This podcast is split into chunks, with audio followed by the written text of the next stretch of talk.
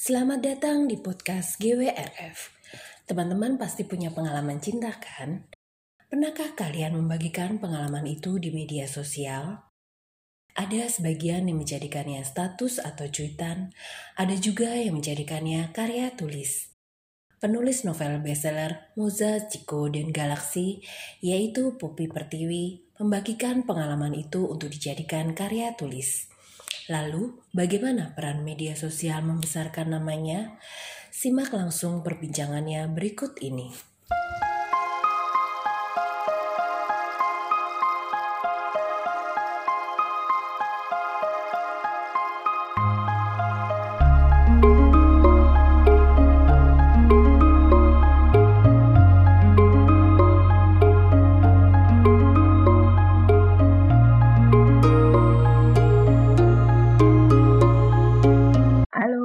Gimana kabarnya, Kak? Baik, baik. Sayang ya, tahun ini nggak nggak ada GRF. Padahal aku iya. pengen banget tuh ke sana.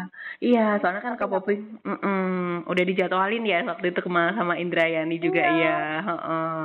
Sama Kak Luluk juga. Iya, betul. Tapi nggak apa-apa. Nanti pasti kita akan ada acara yang lebih hits lagi. Iya, boleh. Amin. Uh -uh. Kak, langsung aja ya. Kak, boleh diceritakan sejak kapan pertama kali menulis di Wattpad atau di mungkin di media yang lain? Aku perkenalan dulu nggak apa-apa nih, Mbak? Nggak apa-apa.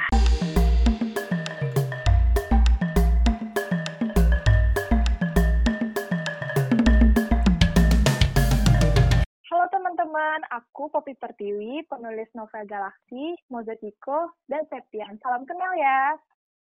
Saat ini, aku akan menerbitkan novel baru yang berjudul Septihan. Septihan adalah spin-off dari novel Galaxy.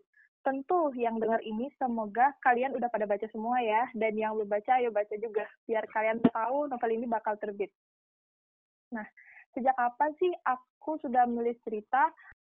Aku sudah menulis cerita sejak tahun 2015 sampai sekarang aku juga sudah mempublish puluhan cerita di salah satu tempat baca online bernama Wattpad. Nah, kalian pasti udah nggak asing dengan nama yang satu itu kan? Dulu, awal menulis dan membuat cerita, aku menggunakan buku, lalu pindah ke blog-blog, dan akhirnya ke Wattpad. Apa Poppy Pertiwi akan di sana aja? Tentu enggak. Aku ingin menulis di banyak tempat yang memang layak aku gunakan dan baca oleh semua pembacaku. Sejak SMA, aku juga aktif mengisi mading sekolah dengan puisi-puisi yang aku buat. Anak-anak jurnalistik tahu kalau aku suka menulis cerita dari sana, mereka langsung mau aku mengisi mading juga untuk sekolah.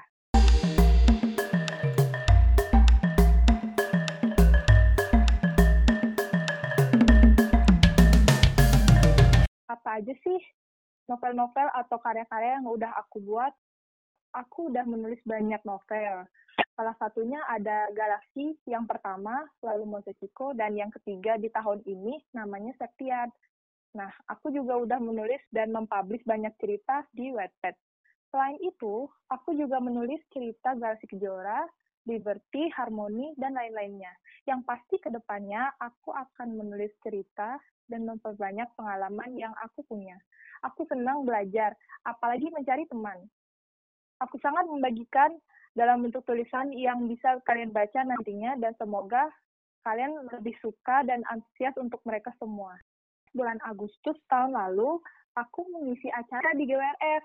Aku senang banget karena aku bisa berkesempatan kenal dengan banyak orang yang belum pernah aku jumpai.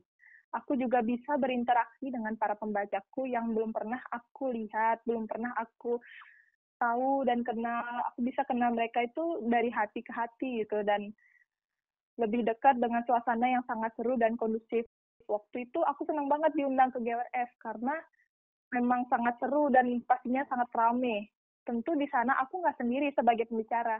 Aku bersama Luluk Ahed, Asabel Audida, dan teman dengan tema pembicaraan Show Your Question with Social Media di Perpustakaan Nasional RI yang udah ikutan ke sana pasti udah tahu gimana aku di sana. Agak agak cerewet gitu ya aku anak di sana.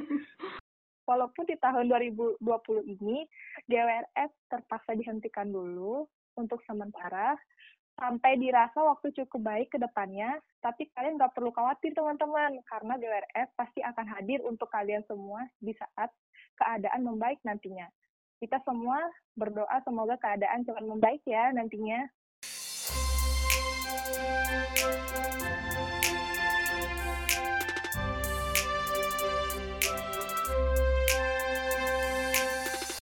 Lalu di tahun 2020 ini, aku Indrayani Rusadi, Eka Aryani, dan Lolo KF belum bisa mengisi acara di WRF karena pandemi. Tapi kalian masih bisa berjumpa aku lewat podcast ini dan cerita-cerita yang aku buat. Ada banyak media dan itu tidak akan membatasi kita untuk bertemu dan saling nyapa. Lalu harapan aku ke depannya, semoga aku makin bisa berkarya lebih banyak lagi dengan ide-ide yang menarik dan seru, dan pastinya bisa kalian sukai. Selama masih muda, aku ingin membuat banyak cerita dan yang pastinya cerita-cerita ini nanti akan bisa berguna untuk orang lain juga dan ke pembaca-pembacaku yang baru-baru membaca cerita tersebut.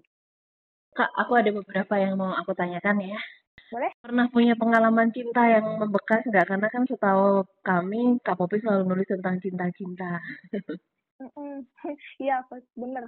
Aku kalau pengalaman cinta, setiap orang mungkin punya pengalaman cinta yang pribadi atau mungkin pastinya ada yang bermacam-macam. Nah, pastinya pembacaku lebih ngerti lah ada pengalaman cinta yang uh, rumit atau misalnya yang begitu aja. Dan aku pastinya punya pengalaman yang lumayan sih, lumayan banyak. Tapi nggak yang begitu gini. Kalau untuk sekarang aku belum pengen cari pacar atau pengalaman cinta dulu karena aku mau fokus sama karya-karya yang aku buat gitu.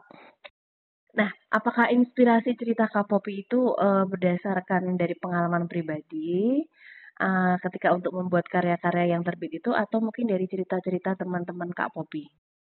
Kalau untuk pribadi sih uh, setiap penulis pasti ada ya yang pribadi-pribadi gitu. Cuman aku lebih senang menulis yang seperti apa yang aku pernah lihat terus langsung aku catat di kepalaku habis itu langsung aku tulis ceritanya hmm. nanti aku sisipin di note atau misalnya aku sisipin di website yang aku buat dan cerita-cerita yang aku buat nantinya supaya biar lebih real aja realistis gitu cerita yang aku buat itu sih. Uh, Kak Popi kan tadi cerita uh, nulis di Wattpad ya. Apakah itu pertama ya. kali awal karyanya dipublish ataukah sebelum itu ada media yang lain selain Wattpad? Dulu aku menggunakan lebih ke dulu waktu aku SMK aku itu nulisnya di mading-mading sekolah gitu jadi anak-anak jurnalistik seneng banget tuh pada tahu kalau aku nulis cerita dan mereka minta supaya aku ngisi mading setiap hari Sabtu nah dari situ aku nulis-nulis puisi habis itu nulis untuk mereka juga lalu baru aku sampai ke website baru aku nulis-nulis di blog-blog juga gitu oke okay. Kak Popi uh, sekarang kan eranya media sosial banget ya. Bagaimana Kak Popi menggunakan uh, media sosial untuk memperkenalkan karya Kak Popi? Aku menggunakan sosial media dengan memposting semua hal-hal yang penting untuk cerita-ceritaku. Kalau aku rasa penting, langsung aku posting dan beritahu ke pembacaku. Karena aku rasa mereka memang perlu tahu. Bagiku, sosial media berperan sangat penting untuk mempromosikan cerita-cerita yang aku buat. Apalagi di zaman sekarang yang rata-rata di mana tiap orang pasti cenderung lebih menggunakan sosial media. Sosial media itu memang sangat berperan penting untuk cerita-cerita yang aku buat karena di sana juga aku bertemu mereka, aku bisa menyapa mereka, membalas pesan mereka. Walaupun ada beberapa orang yang belum sampai aku bisa balas, tapi ada beberapa yang udah bisa aku balas dan aku jangkau. Oke, uh, kalau boleh tahu Kak Popi, uh, segmen pembacanya Kak Popi itu yang umur berapa atau bagaimana karakteristiknya pembaca Kak Popi? Kalau untuk segmen pembacaku yang pasti aku menggunakan genre teen fiction uh -uh. atau fiksi remaja. Bisa dibilang pembaca pembacaku itu bisa mencakup semua umur, ada yang anak muda, ada yang masih udah udah berkeluarga, ada juga yang udah udah umurnya lebih lanjut. Aku pernah melihat ada beberapa orang yang kayak gitu dan mereka masih tetap ngikutin cerita yang aku buat gitu. Kalau karakteristiknya mereka itu lebih seneng banget mengikuti tentang apa yang aku posting. Jadi misalnya aku ngasih clue, terus ada apa sih ini kok mereka kok kejutan gitu untuk untuk kejutan yang ke depannya lebih baik lagi dan misalnya balance lah untuk mereka mereka juga harus tahu kalau aku tuh nulis cerita tuh kayak apa? Dan biasanya aku ngasih kejutan dulu ke awal-awalnya. Aku bakal posting ini nih dan mereka harus nebak-nebak oh, ini apa ya? Kamu mau ngeposting apa nanti di ceritanya? Kayak gimana alur ceritanya? Itu kalau karakteristiknya sendiri sih umurnya mereka ya mencakup semuanya. Nggak nggak cuma di anak muda aja tapi di semuanya itu. Oke, jadi karya yang Kak Popi buat itu sudah sesuai uh, menurut Kak Popi sudah sesuai dengan keinginan segmen membaca kakak ya? Sudah, benar. Sudah ya. Oke. Okay.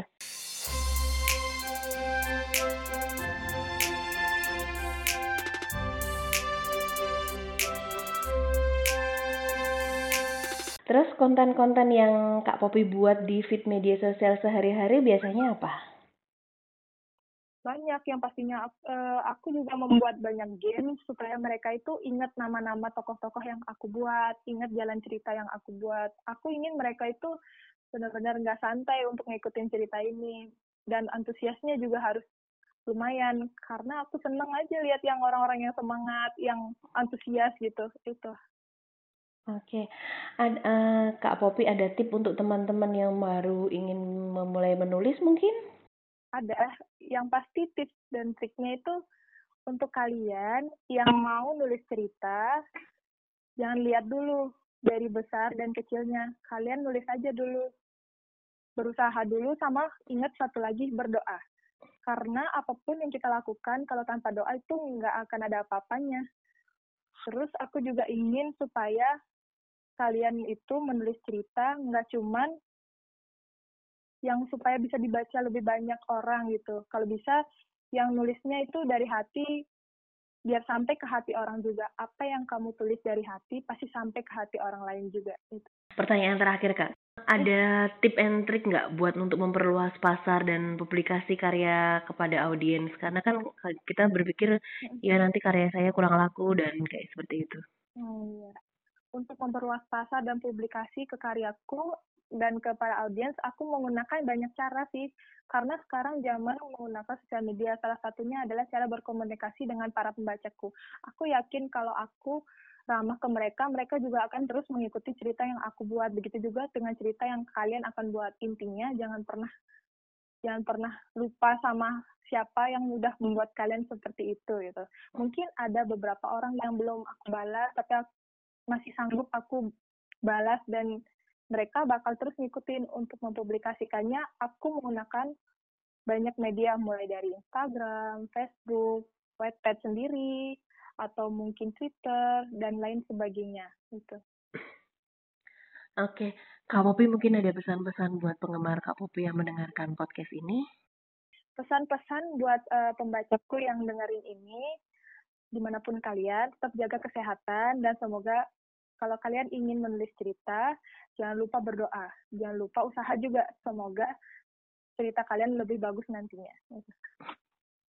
Intinya tetap semangat ya, dan jangan lupa berdoa. Benar banget. Karena apa pun kalau tentang tanpa doa itu nggak bakal lurus gitu. Harus harus dibarengin dengan usaha sama doa. Iya, setuju. Oke, Kak Popi, terima kasih atas waktunya. Sampai ketemu lagi nanti dengan uh, kegiatan Gramedia yang lain. Akan ada uh, mungkin GWSF kita jumpa darat beneran atau mungkin nanti dengan podcast Amin. yang lain. Kita ketemu. Iya, semoga Kak Popi juga sehat-sehat terus ya di sana. Amin. Baratma juga semoga sehat-sehat terus dan Iya. Iya. Terima kasih Kak Popi. Sampai ketemu lagi. Terima kasih juga. Dadah. Dadah.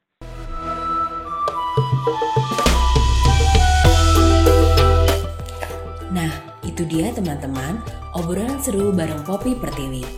Inspirasi dan tip-tip bagaimana mengoptimalkan karya melalui media sosial itu nantinya bisa teman-teman pelajari dan juga terapkan. Yang penting, tetap kreatif dan tidak melakukan plagiarisasi ya. Kami sangat berterima kasih buat antusiasme teman-teman yang telah setia mengikuti podcast GWRF. Maka dari itu, kami ingin memberikan apresiasi berupa hadiah menarik buat teman-teman yang beruntung. Teman-teman bisa ikuti challenge dari kami di Instagram at gbrf.id untuk memenangkan hadiahnya. Jangan sampai ketinggalan ikut keseruan kami ya, karena masih ada para pembicara dan hadiah menarik yang menanti. Kalau begitu, sekian. Semoga episode ini dapat memberi inspirasi buat teman-teman semua. Salam inspirasi dan sampai jumpa di episode podcast GBRF berikutnya.